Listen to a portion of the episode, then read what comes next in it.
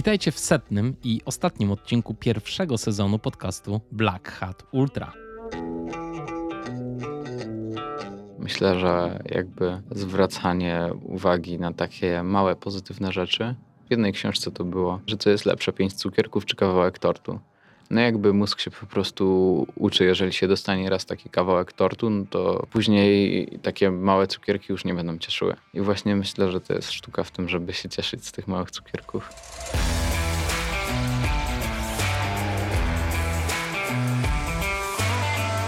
To był Tobiasz, a ja jestem Black Hat i witam Was w podcaście Black Hat Ultra.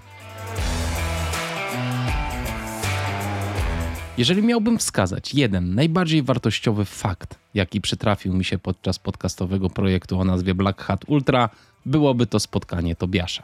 19 sierpnia 2020 roku o godzinie 22.13 na Instagramie Tobiasz do mnie napisał: Kamil, mam takie pytanko. Myślisz, że bieganie ultra w wieku 13 lat jest ok, czy muszę przestać?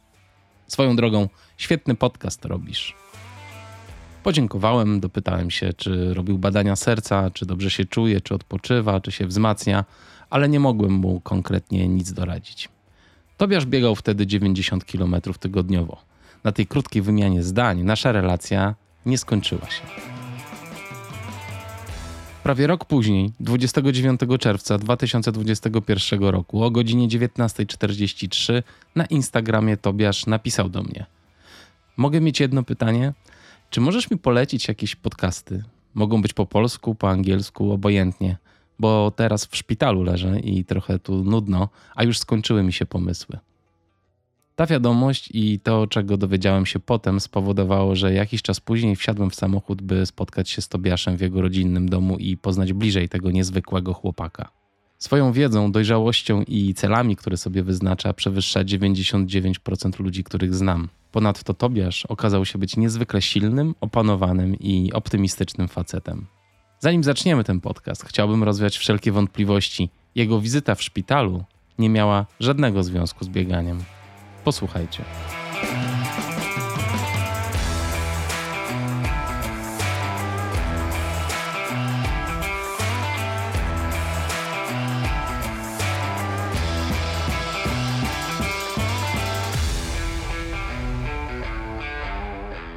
Cześć Tobiasz, witam cię serdecznie. Cześć Kamil. Dziękuję, że przyjechałeś. Przedstawię cię pokrótce może, bo wiele osób ciebie nie zna, ale jesteś bardzo ważną osobą dla podcastu z Andrzejem Orłowskim, chociażby, biorąc pod uwagę ten świat podcastowy tutaj Black Hat Ultra, bo na końcu zadaję Andrzejowi pytanie o to, czy 14-latek, który biega 90 km tygodniowo, nie zaszkodzi sobie w jakiś sposób. No i rozmawiamy o tym z Andrzejem i tym 14-latkiem byłeś ty. Napisałeś do mnie na Instagramie i bardzo mnie to zainspirowało i sam zacząłem się zastanawiać. Pamiętam, że napisałeś do mnie na początku, jak masz trenować, i jakieś takie ogólne. No, coś w stylu, czy to jest normalne. Tak, coś w stylu, czy to jest normalne. I szczerze, ja kompletnie nie wiedziałem, jak się do tego odnieść. Z jednej strony Oczywiście było, ale jak to zrobi sobie krzywdę? Przecież zazwyczaj młode osoby zaczynają od małych dystansów, no jakieś... małych i szybkich dystansów, tak. a potem jak się starzeją, przechodzą do długich. Ty postanowiłeś na odwrót. No spytałem się Andrzeja, on też w sumie nie widział żadnych przeciwwskazań. Także opowiedz może w ogóle, jak w głowie czternastolatka, bo to jest fascynujące, narodził się pomysł na to, żeby biegać ultra. To może być ciężkie, żeby sobie przypomnieć w ogóle. No spróbuj. E, ale to chyba się w ogóle zaczęło taka trochę pokręcona historia, ale e, mi się kiedyś na YouTubie przewinął filmik o zarządzaniu czasem. Wiem, to nie ma na razie nic wspólnego. I później to przeszło jakby tak bardziej w rozwój osobisty i tak dalej. I trafiłem na książkę Tomiego Buzana. To jest gościu, który, no generalnie jeden z lepszych ludzi, którzy opowiadają o pamięci, e, o tym jak zapamiętywać szybciej, więcej, on też w ogóle stworzył całą koncepcję map myśli, z tego co wiem przynajmniej.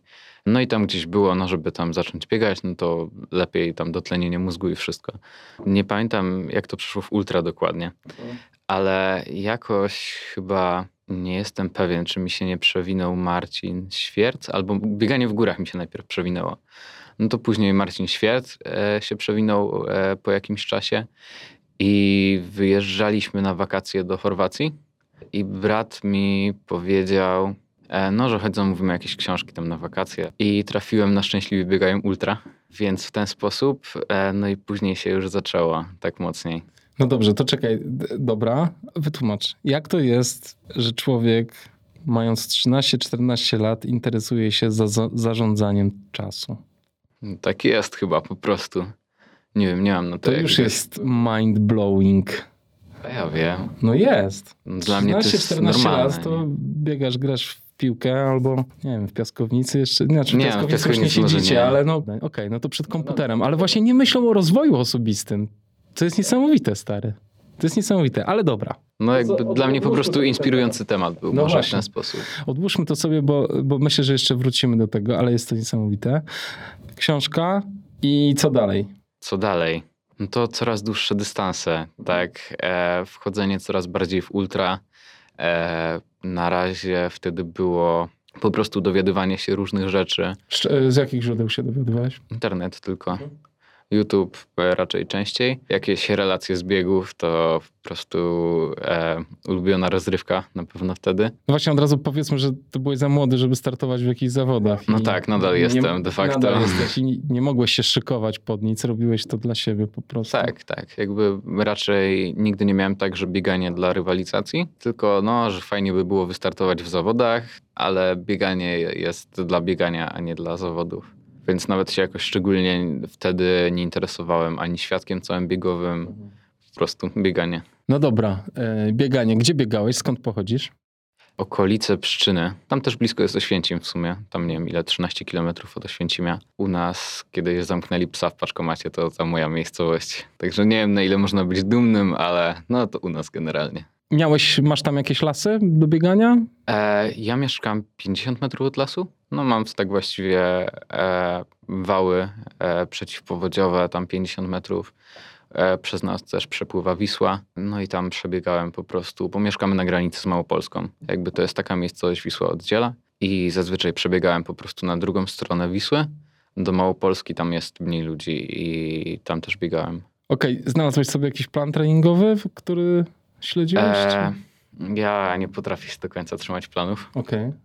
E, ale po jakimś czasie miałem już tak, że no, że tutaj gdzieś 3 km rozruchowo, później 8 coś trochę szybciej, no i później jeszcze schłodzenie. Też z podbiegami w ogóle było ciekawie, bo przez to, że no, niby niedaleko miejscowość górna, ale trzeba było rodziców uprosić, żeby pojechać, to wszystkie podbiegi na wałach były. Tam nie wiem ile, może 15 metrów, no 10 metrów może do góry, no i bieganie góra-dół, góra-dół. Także też tak na pewno śmiesznie wyglądało. No i zazwyczaj z rana to też. Przed szkołą jeszcze dawałeś radę? Mhm. To co, o której wstawałeś? Czwarta? Nie no, o piątej. Nie, no pięknie. No ale ja jestem raczej z tych, co wcześniej wstają. Aha. Ile czasu tak e, trenowałeś? Tygodniowo? Mhm. Myślę, że to będzie około 11 godzin. No bo jeszcze tam wszystko core stability. Też e, robiłeś, tak? W domu No czy tak, tak, w domu. Nie. Mhm. Na siłka to obcy temat w ogóle. Brzmi jak w innym języku trochę dla mnie. Ale wtedy wszystko w domu. Miałem jakieś gumy oporowe, wtedy jeszcze miałem drążek w pokoju. Teraz już nie ma. Jak się z tym czułeś w ogóle fizy- fizycznie? To bieganie jak na ciebie wpływało? Nie czułeś się zmęczony? Nie, właśnie nie czułem Nie. się zmęczony. Tak e, raczej się cieszyłem, że jakiś taki sposób na spędzanie czasu, w którym się spełniam, dobrze się czuję. Też taka trochę, nie wiem, może medytacja, odcięcie głowy. Zresztą sam wiesz, jak to wygląda, że biegniesz i w sumie nie myślisz o niczym, jak nie masz muzyki. Tak, oczywiście. No to jest, to jest wspaniałe, no. Można się oderwać, to prawda. Ale od czego się odrywałeś? Od czego?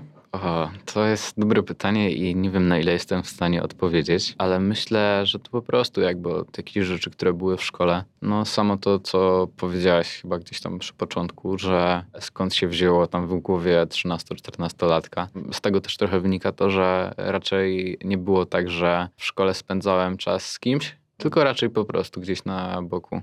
Też przyzwyczaiłem się, więc już tak nie przeszkadzało później. Czyli ty lubisz mieć własną przestrzeń. Może nie tyle co własną trze- przestrzeń, co po prostu ciężko jest mi zrozumieć niektóre zachowania osób w moim wieku. Okej. No ale też e, to, co sam wiesz, ja jestem po prostu trochę inny i może trochę inaczej myślę. W sensie nie tak jak osoby w moim wieku. Może Tak, sposób. zdecydowanie. Zdecydowanie. E, Jak to dzisiaj usłyszałem od ciebie, jak mówią inni na twój temat, jesteś ciekawym przypadkiem. Trochę w innym W kontekście. innym kontekście, tak, opowiemy o tym za chwilę. To słuchaj, biegasz sobie. Przez jaki okres biegałeś w ten sposób? W ten sposób myślę, że biegałem przez 4 miesiące. Później zrobiłem sobie przerwę, bo tak trochę się nie chciało powoli, ale okazało się, że jednak bez biegania trochę ciężko. I z powrotem do biegania. Nie wiem, czy wtedy, czy to jeszcze nawet nie było przy początku i czy to nie było z rozwojem osobistym, ale na jakimś kanale było coś o bieganiu i się przewinęli urodzeni biegacze. To możliwe, że stąd się wzięło akurat ultra. No ale książka, którą chyba każdy, kto biegał ultra zna. No i stąd się wzięło sporo. Jakieś inne książki jeszcze potem wpadły ci w oko? Następna książka to chyba w ogóle było e, Szczęśliwi biegają ultra. Książki Marcina Świerca ciągle nie przesłuchałem. No a później już pod górę. Teraz też mam ten trening z pulsometrem. Chyba tak to było. Joe Firel, czy coś Tak, takiego. tak. Udało ci się spojrzeć do tej książki? Jeszcze nie, ale Jeszcze się nie chcesz nastawiać na... tak, ja po prostu nie wytrzymałbym psychicznie. No właśnie. Dobrze, po, czyli cztery miesiące, potem miałeś przerwę. Jak długą? Dwa miesiące może maksimum, Okej. no a później z powrotem. Nie przyszło ci do głowy, żeby, nie wiem, biegać trochę mniej jednak? Mm, Zależy ile miałem czasu, może wtedy tylko, że może jednak trochę e, za dużo, że pasowałoby jeszcze inne rzeczy.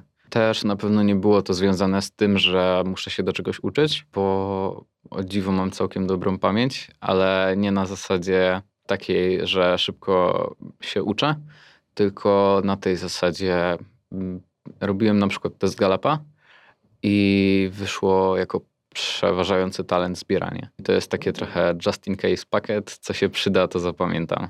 Więc ktoś coś do mnie raz powie, a mi to później siedzi i przychodzi w odpowiednim czasie. Ja też zresztą zrobiłem ten test i wyszło mi z niego, że powinienem robić podcasty, więc e, robię podcast.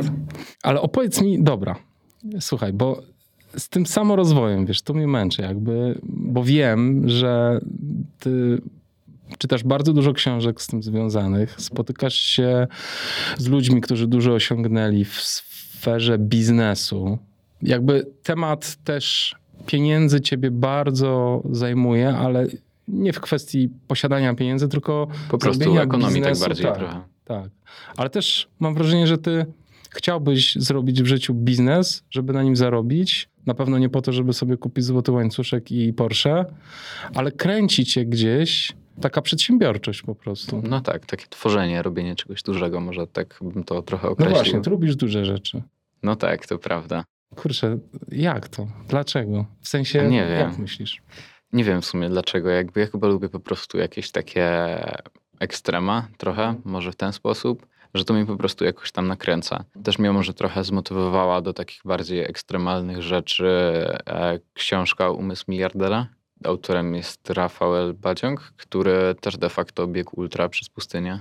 No tam jakby opowieści, które on opowiadał dla ludzi, którzy nie biegają ultra byłyby zaskakujące, ale dla ultrasów to chyba nic Normalnie, nowego. Czyli co, No. odchodzące paznokcie, czy... No, coś takiego, Mhm. że po 70 kilometrach krew lupała w butach, to tak Mhm. No tak. nic nowego w sumie. Normalne rzeczy. Kto by się przejmował? Dokładnie.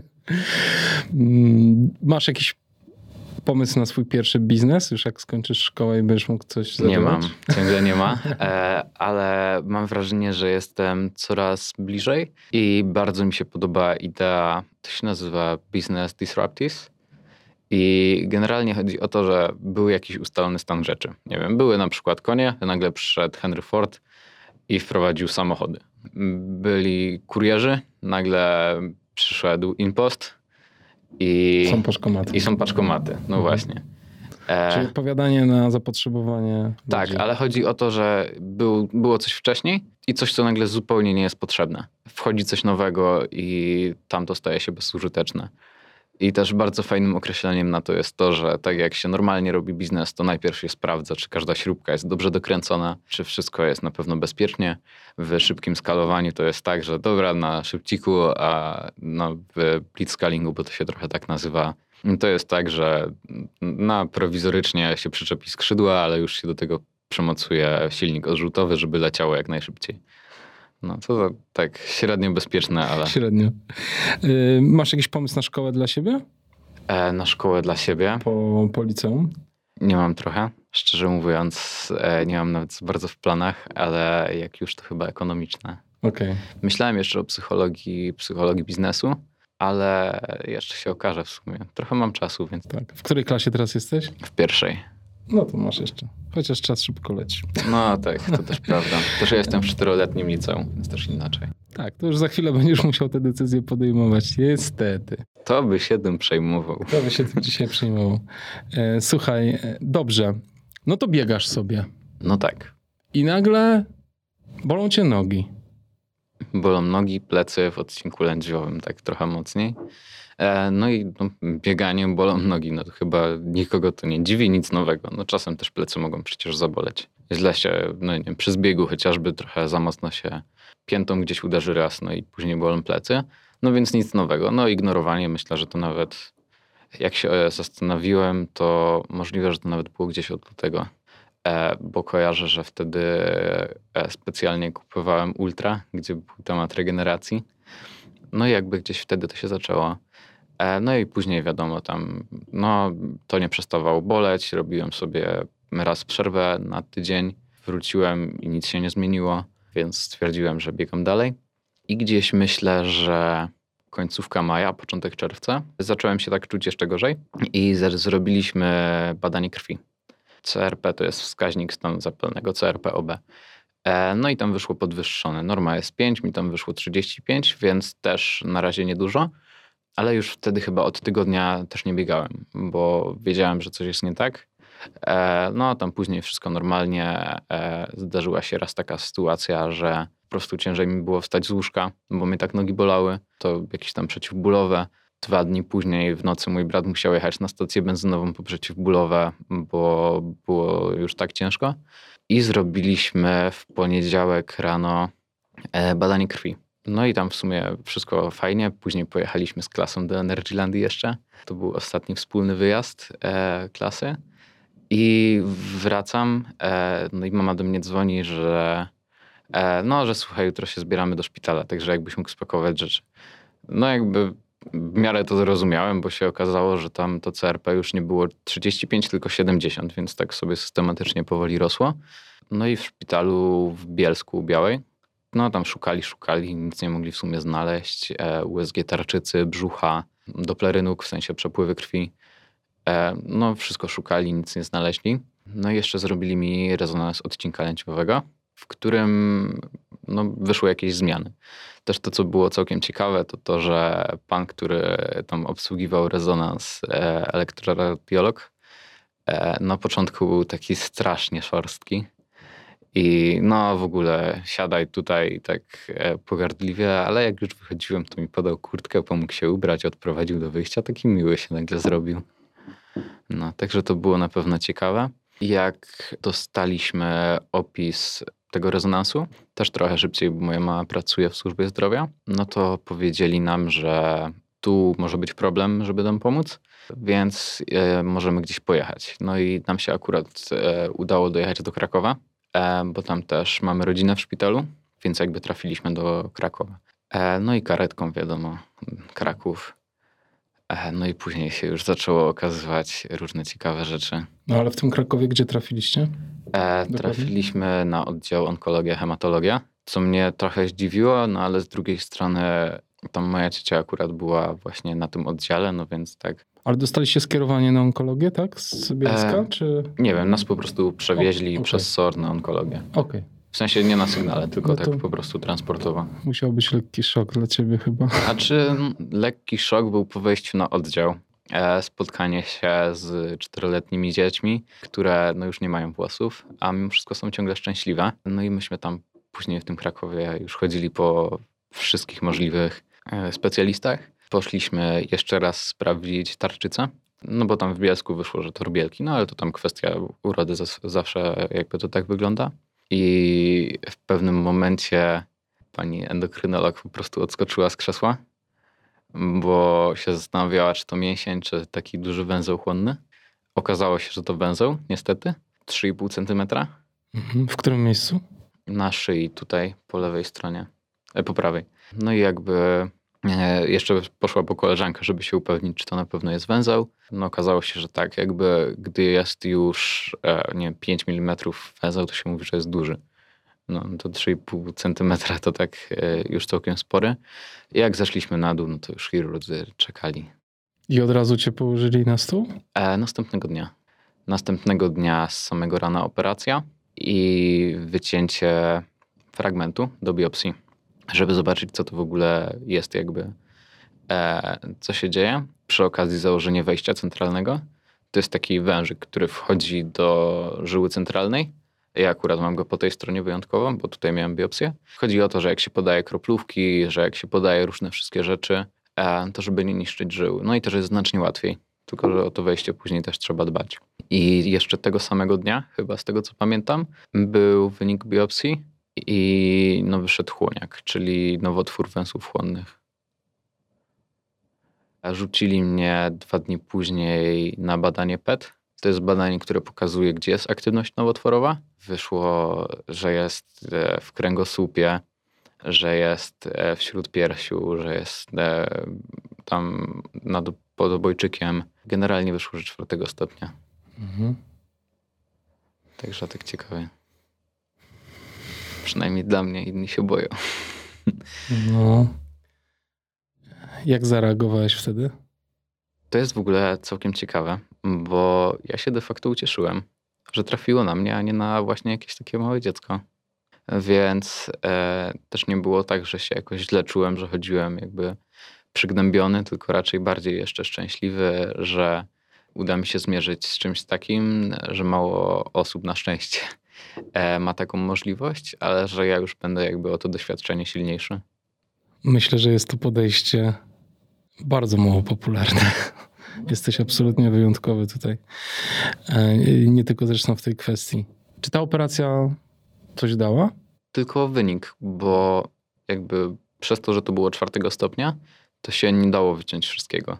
Jakby wtedy bym się pozbył połowy węzłów chłonnych w organizmie, co by miało chyba gorsze skutki, ale tam trzy dni po tej operacji już zacząłem chemię. Mhm. Ile ona trwała? Każdy cykl trwa 15 dni, po którym następuje 15 dni przerwy, przynajmniej w moim przypadku, bo też są różne cykle, są białaczkowe, też są różne nowotwory, ale w moim przypadku trwało 15 dni, 6 dni chemii i przez te całe 15 dni dostawałem sterydy, jakby sztuczny kortyzol po prostu. Powiedz mi jeszcze, co, e, dlaczego ty uważałaś, że sobie z rakiem poradzisz lepiej niż małe dziecko? Skąd, skąd taki spokój w tobie? Nie wiem. Ja mam jedną ulubioną książkę, która też jest kolejną atypową kwestią u mnie. Rozmyślania Marka Aureliusza. Także ja jak już myślę, to raczej bardziej stoicko, więc e, po prostu się bardziej cieszyłem, no bo takie dziecko jakby, no szkoda, żeby czterolatek mimo wszystko miał na tak wczesnym etapie zniszczony organizm. Czyli dla ciebie przeszkody są szansami na rozwój? W Kaizen jest e, zdanie, że trochę parafrazuję, ale e, trudności stwarzają możliwości. Więc tak raczej w ten sposób o tym pomyślałem. Pojawia się czasem w twojej głowie myśl o tym, że możesz nie wyzdrowieć? Czasem się pojawia, ale to jest bardziej. Ja w ogóle nie wspominam całego okresu leczenia jako zły, e, zły okres. Jeden, uważam, że to był jeden z lepszych okresów w moim życiu. Z jakiego względu? Chociażby przez to, że takie zbliżenie z całą rodziną. No bo nie byłoby takiej okazji, chociażby, żeby spędzić tyle czasu e, z rodzicami, bo no nie wiem, ciągle była jakaś tam praca czy coś. Więc teraz się udało. Na szczęście moja mama też ma na tyle dobre mm, szefostwo, że jej po prostu pozwalali siedzieć w szpitalu, no bo też byli wyrozumiali w tym przypadku, no więc też było o tyle łatwiej. Czyli szukasz pozytywów w tej całej sytuacji? Ja nie widziałem negatywów, więc nie było jak szukać pozytywów. Raczej no ale jednak wiesz, no, y, ta choroba w jakiś sposób cię ogranicza jednak. Nie patrzysz tak na to? Znaczy widzę ograniczenia, no jakby e, chemia znacznie obniża odporność nie można iść do sklepu. Ja na początku też przez tą chemię byłem tak osłabiony. Swoją drogą miałem też gorset, żeby mi się nie złamał kręgosłup. Bo gdybyśmy trafili wcześniej, to mi się kręgosłup mógł tak złożyć. Mhm. Wtedy raczej... No pamiętam, jak byłem u ciebie, chodziłeś w tym gorsecie. Tak. No. to wtedy raczej bym więcej siedział niż, niż e, no w sumie po prostu bym siedział, raczej nie mógłbym wstawać. A jak e, w szkole twoi znajomi zareagowali na, na twoją chorobę? A właśnie dużym wsparciem. Ja zawsze w szkole byłem tygryskiem, już nie pamiętam dlaczego, ale nim byłem i jak przyjechałem po raz pierwszy do domu, tam chyba łącznie miesiąc w szpitalach spędziliśmy i jak przyjechałem, to czekał na mnie koszyk pełny tygrysich rzeczy. Na przykład e, są takie chrupki tygryski.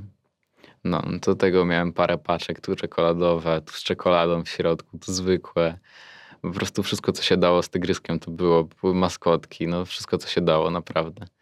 Jeszcze nawet był miód z karteczką jakby nalepioną tak z tygryskiem z Kubusia Puchatka i to, co tygryski lubią najbardziej. No, Słodziaki. No, na pewno. Słodziaki. Dobrze, a twoja, mm, twoja edukacja teraz e, jak wygląda? Normalnie jeździsz do szkoły, jeśli oczywiście jest otwarta i tak dalej? Czy... Nie, nie. Ja mam do końca tego roku szkolnego mam nauczanie indywidualne. Przez to, że jakby no, odporność jeszcze nie jest na tyle duża, żeby mógł sobie pozwolić na przebywanie wśród ludzi, no to ciągle mam jakby, no ciągle jest indywidualne, żeby ograniczyć możliwy kontakt. Jak są zdalne, no to też mam zdalnie. Tylko, że nie z całą klasą, tylko ciągle e, jeden na jeden.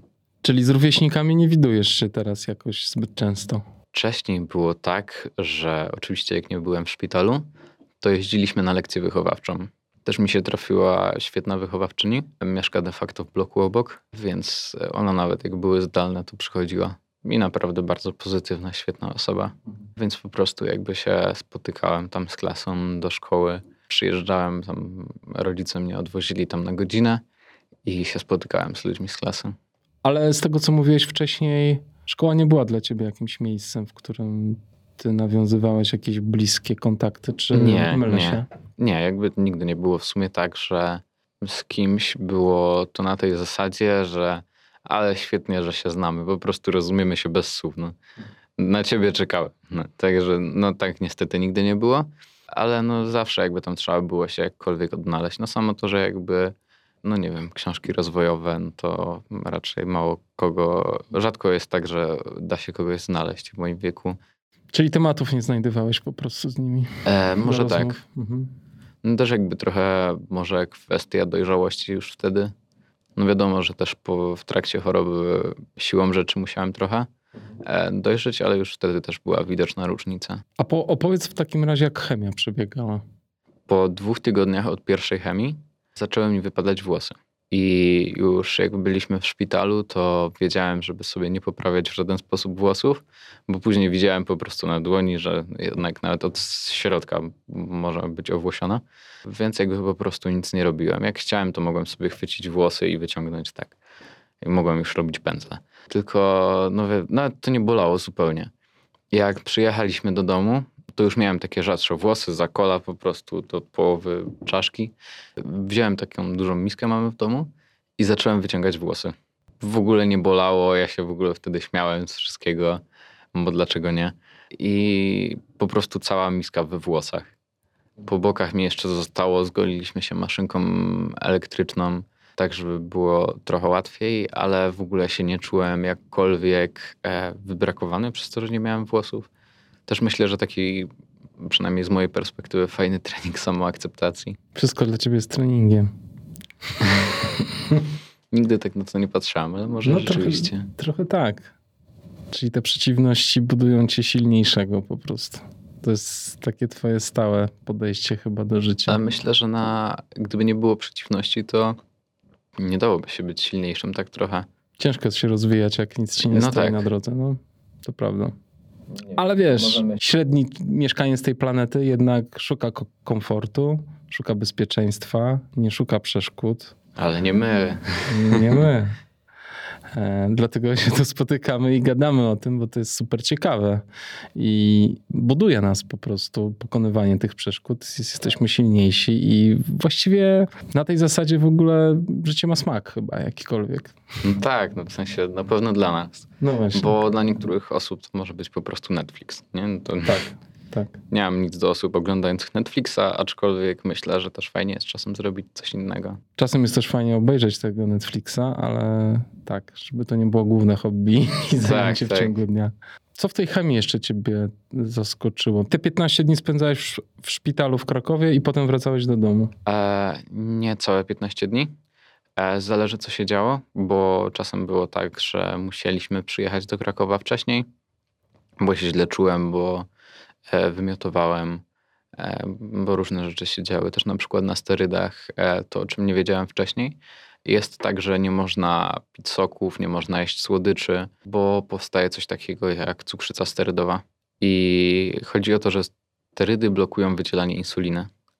No i też e, na przykład nie można wychodzić na słońce, na pewno pełne, tylko trzeba się osłaniać, bo później e, jest bardzo łatwo poparzenia słoneczne i też chemia reaguje ze słońcem. I jak się czułeś po tej czteromiesięcznej chemii? Coś odczułeś? Czy ty w ogóle, w ogóle powiedz, jak ty fizycznie odczuwa, odczuwałeś cały ten E, chemię na pewno było tak, że jest spore osłabienie. Mimo wszystko to są toksyny w organizmie, które trzeba wypłukiwać przy podawaniu chemii.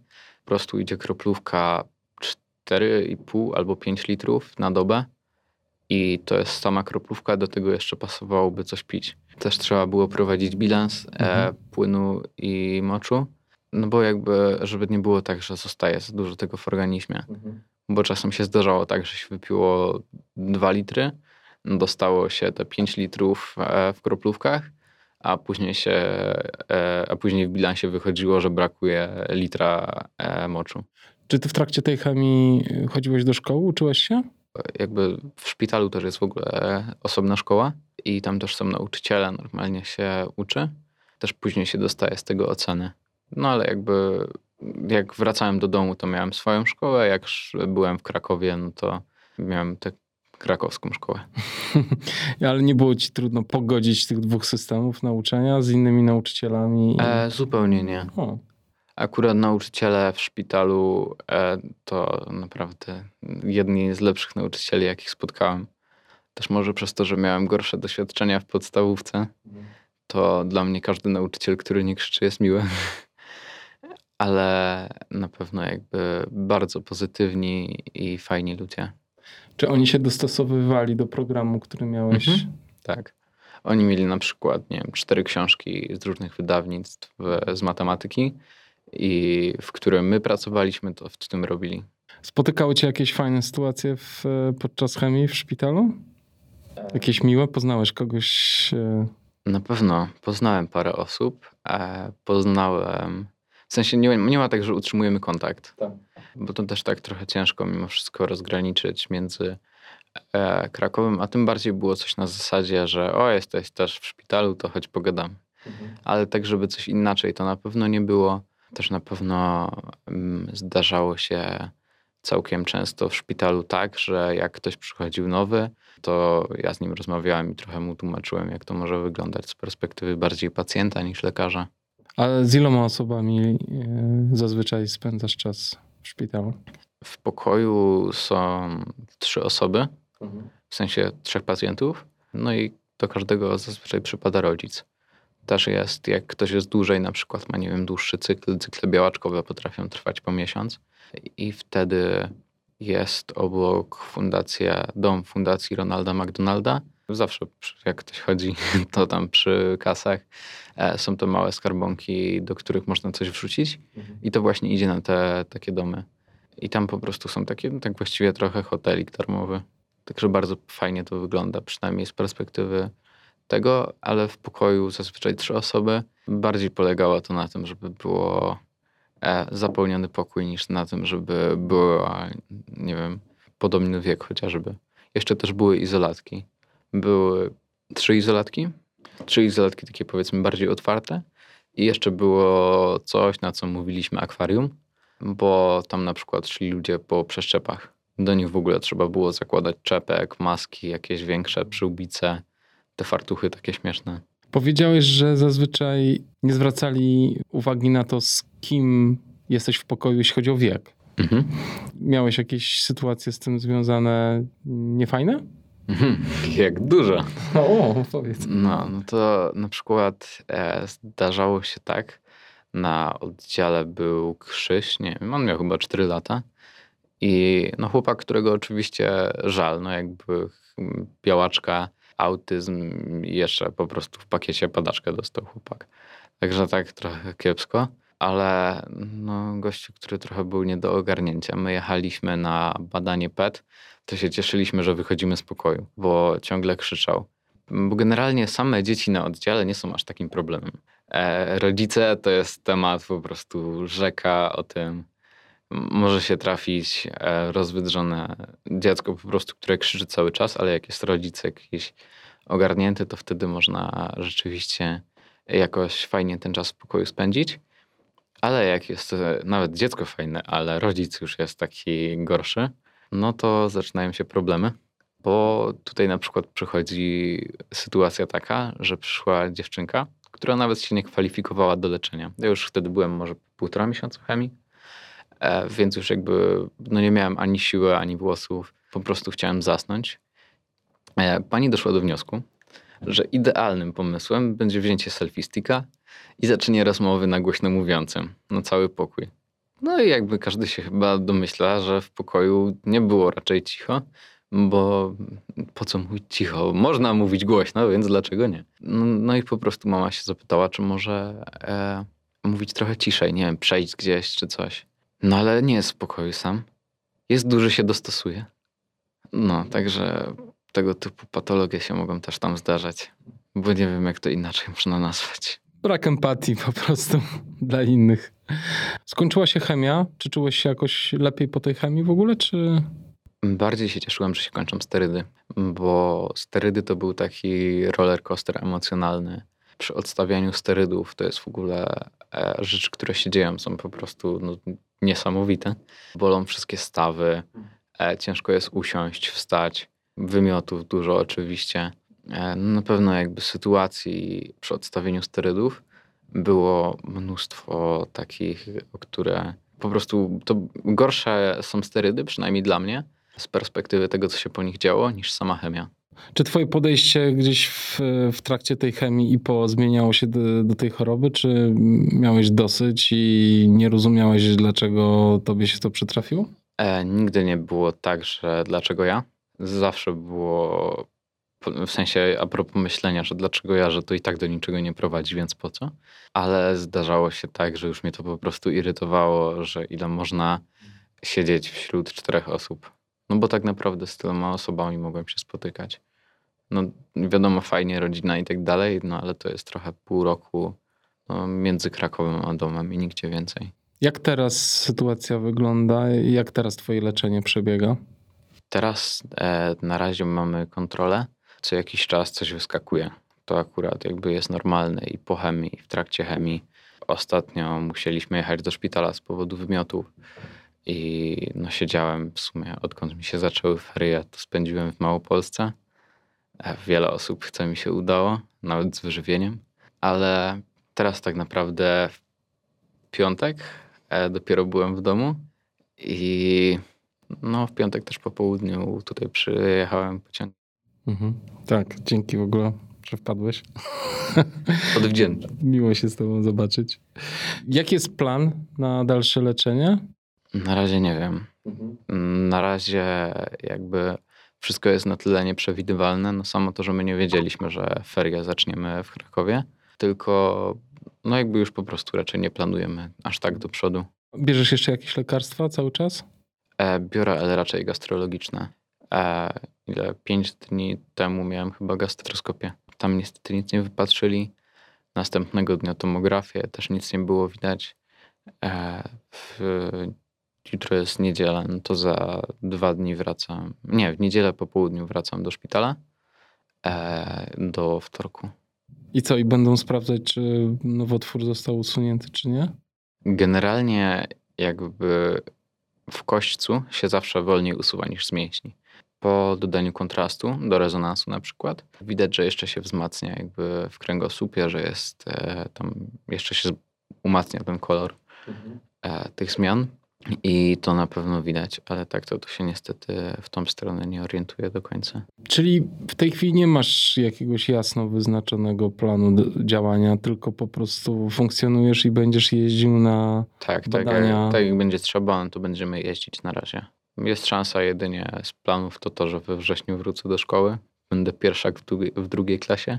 E, no ale to jest chyba jedyne to, co można jakkolwiek chyba zaplanować. Powiedz, jak, jak twój powrót do fizycznej aktywności? Wspominałeś, że są przed tobą wizyty u fizjoterapeuty?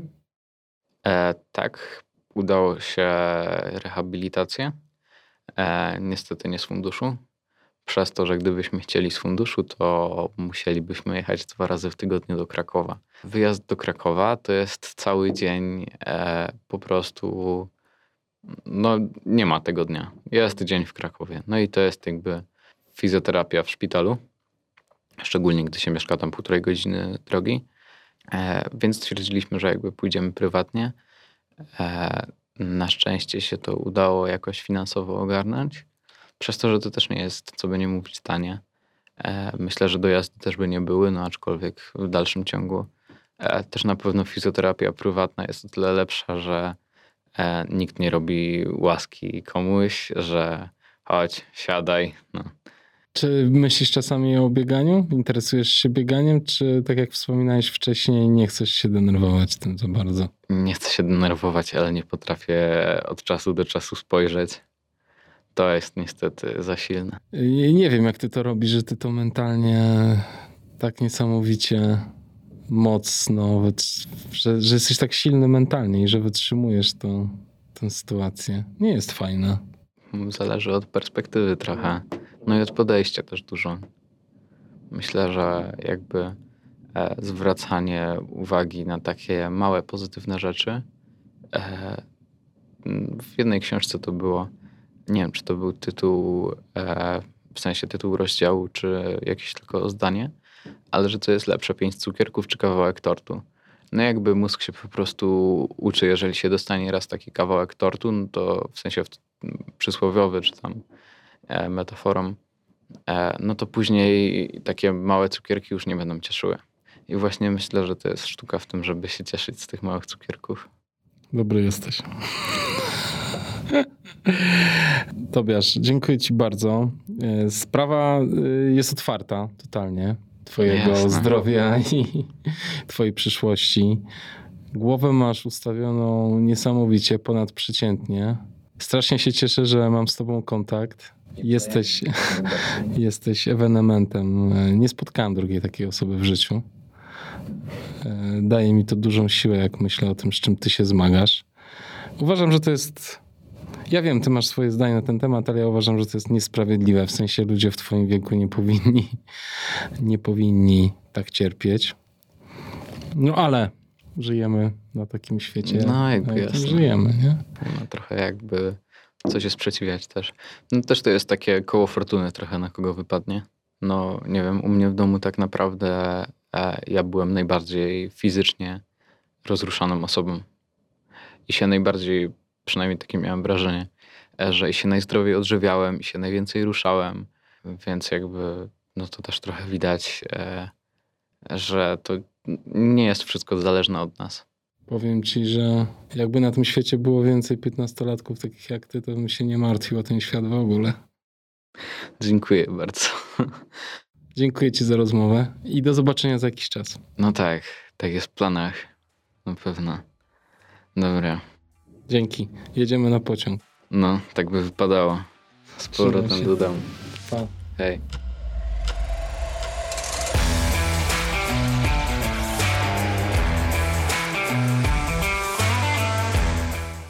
Bardzo się cieszę, że poznaliście Tobiasza. Jestem przekonany, że pozostawił w Was taki sam mocny ślad jak we mnie. Jestem przekonany, że jest to człowiek jeden na milion. Takie egzemplarze Homo sapiens nie rodzą się często. Dbajmy o niego, pielęgnujmy i dajmy swobodę do działania, a jestem przekonany, że kiedyś nasz świat będzie dzięki niemu ociupinkę lepszy. To wiesz, spokojnie, y, zero presji.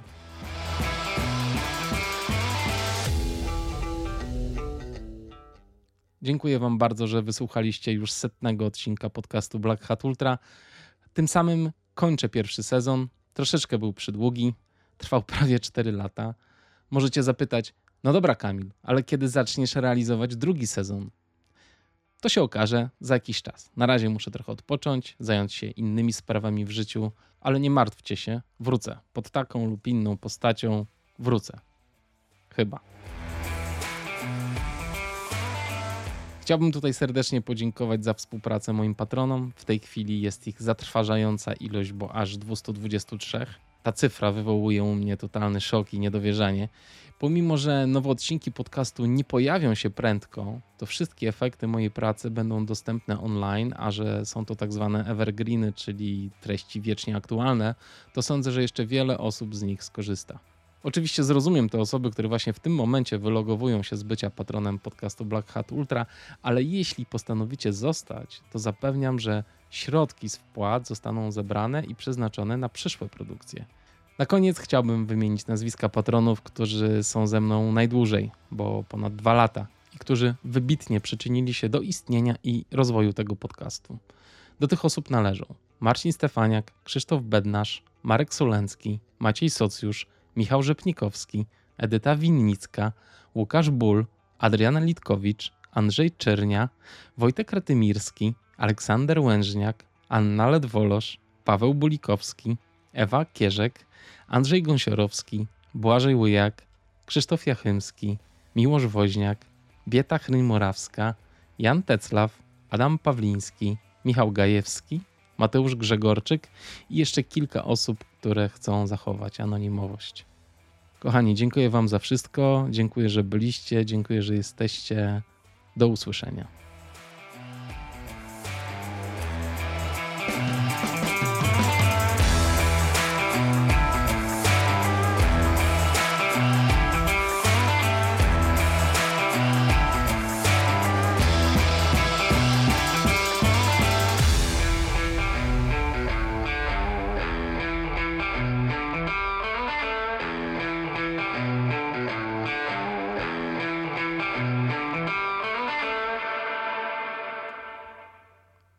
Jeżeli jeszcze tu jesteś, kiedyś brałem udział w dziesięciodniowym kursie medytacji. Na koniec, 11 e, dnia, mnich przeprowadził medytację metabawna, czyli medytację miłującej dobroci i akceptacji dla wszystkich istot. Było to jedno z najmocniejszych doświadczeń tego kursu. Jest to medytacja trudna, więc proponuję znaleźć sobie troszeczkę wolnego czasu, trochę wolnej przestrzeni, żeby nikt wam nie przeszkadzał Proponuję się wyciszyć i dopiero wtedy do niej przystąpić. Usiądź wygodnie na krześle, na łóżku lub w kwiecie lotosu, jak lubisz. Wyprostuj się. Trzymaj oczy otwarte. Obejmij pomieszczenie, w którym jesteś spokojnym i łagodnym skupieniem. Kilka pierwszych oddechów zrób na tyle mocno, żeby je usłyszeć. Wciągnij powietrze nosem i wypuść ustami. Zwróć uwagę, jak powietrze wypełnia Twoją klatkę piersiową i ciało unosi się podczas wdechu, po czym mięknie i opada podczas wydechu. Przy kolejnym oddechu zamknij powoli oczy Niech oddech wróci do swojego naturalnego rytmu i poczuj, jak Twoje ciało zapada się. Od tej pory oddychaj tylko nosem.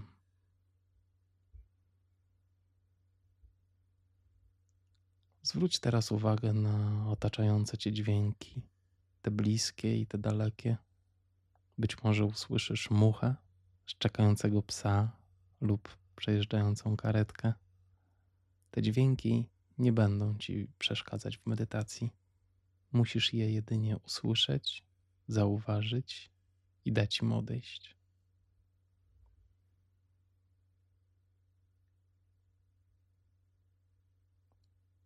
Zauważ teraz, w jaki sposób Twoje ciało dociska powierzchnię, z którą masz kontakt.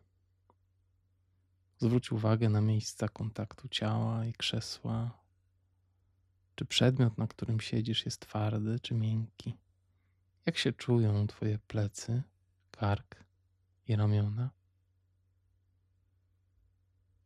Poczuj ciężar swoich rąk i dłoni spoczywających na nogach. Skup swoją uwagę na ciele. Poczuj, co odczuwa Twoje ciało. Zwróć uwagę, jak się czuje. Czy jest rozluźnione, czy lekko napięte. Zacznij powolne skanowanie ciała od czubka głowy w dół. Przesuwaj swoją uwagę po ciele bardzo powoli. Zwróć uwagę na miejsca, które są spięte. Zwróć uwagę na miejsca, które są zrelaksowane.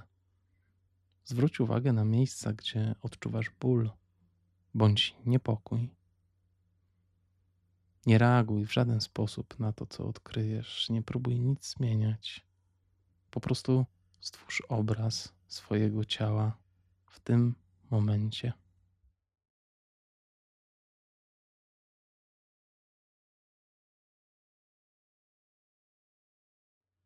Podczas skanowania można zaobserwować, że Twoje ciało unosi się i opada, gdy oddychasz. Zauważ, w którym miejscu Twojego ciała najbardziej odczuwasz oddech.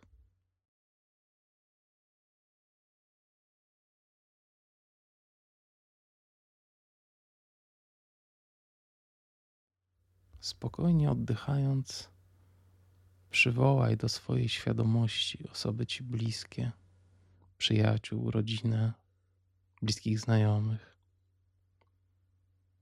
Pomyśl o nich dobrze i wyślij im od siebie dużo miłości i akceptacji dla ich wad. Każdy z nas ma wady, również każdy z nas poszukuje akceptacji. Dlatego dobrze się czujemy wśród osób, które dają nam siłę i wybaczają nam nasze wszystkie zachowania, które czasem też nie są najlepsze.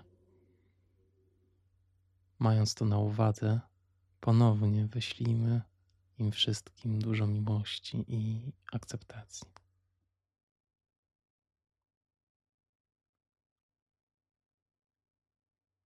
Pomyślcie teraz o osobach, które są dalekimi znajomymi, które przewijają się przez nasze życie bez nawiązywania z nami bliższych relacji. Mogą to być osoby, z którymi chcielibyśmy być bliżej, ale z jakichś względów nie jesteśmy lub osoby, które są w naszym życiu, ale nie czujemy potrzeby zacieśniania z nimi relacji. Tym wszystkim osobom wyślijmy dużo miłości i akceptacji.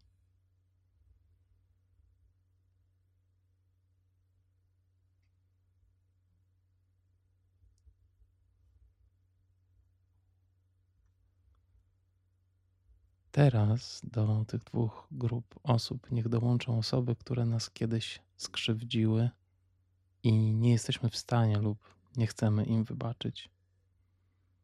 Osoby, które są trudne w kontaktach, osoby, których najchętniej byśmy nie widzieli w naszym życiu. Pomimo wszystko, znajdźmy siłę i wyślijmy im wszystkim dużo miłości i akceptacji pamiętając, że zachowanie tych osób wynika z tego, że kiedyś zostały zranione lub po prostu brakiem empatii i otwartości do pracy nad sobą. Ty masz tę moc. Wyślij im dużo miłości i akceptacji.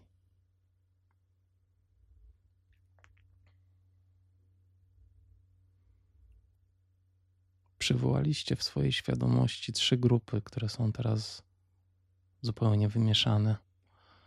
Dołączmy teraz do tych grup naszych najbliższych sąsiadów, mieszkańców tej samej ulicy. Teraz dołączmy mieszkańców tej samej przecznicy. Rozszerzmy tę grupę i niech dołączą do nas wszyscy mieszkańcy dzielnicy, w której mieszkamy.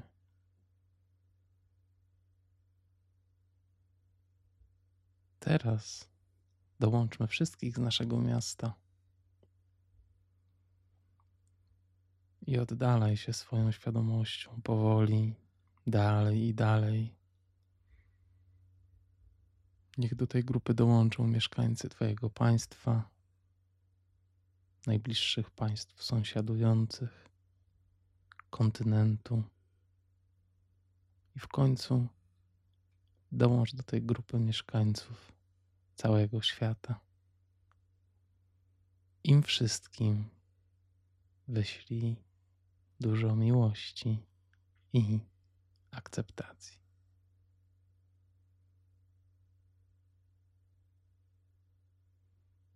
Buźka.